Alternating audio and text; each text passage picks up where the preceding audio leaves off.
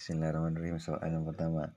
Apa itu ekonomi digital? Ekonomi digital adalah segala bentuk aktivitas ekonomi yang memanfaatkan bantuan teknologi informasi dan komunikasi.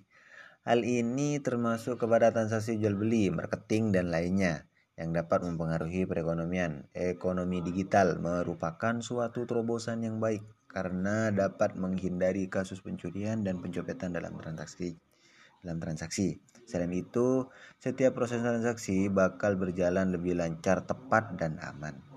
Yang kedua, kegiatan ekonomi apa yang dapat digolongkan sebagai ekonomi digital? Berikan beberapa contoh. Ekonomi digital Indonesia semakin dikembangkan dalam uh, dan diintegrasikan oleh pemerintah melalui peraturan dan workshop yang diadakan oleh kementerian.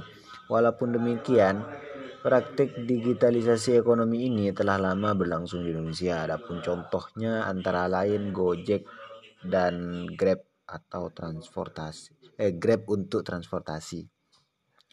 Eh, kita tentu sudah tidak asing lagi dengan Grab dan, dan Gojek sebagai salah satu startup yang berkembang dengan dengan cepat melalui pelayanan transportasi.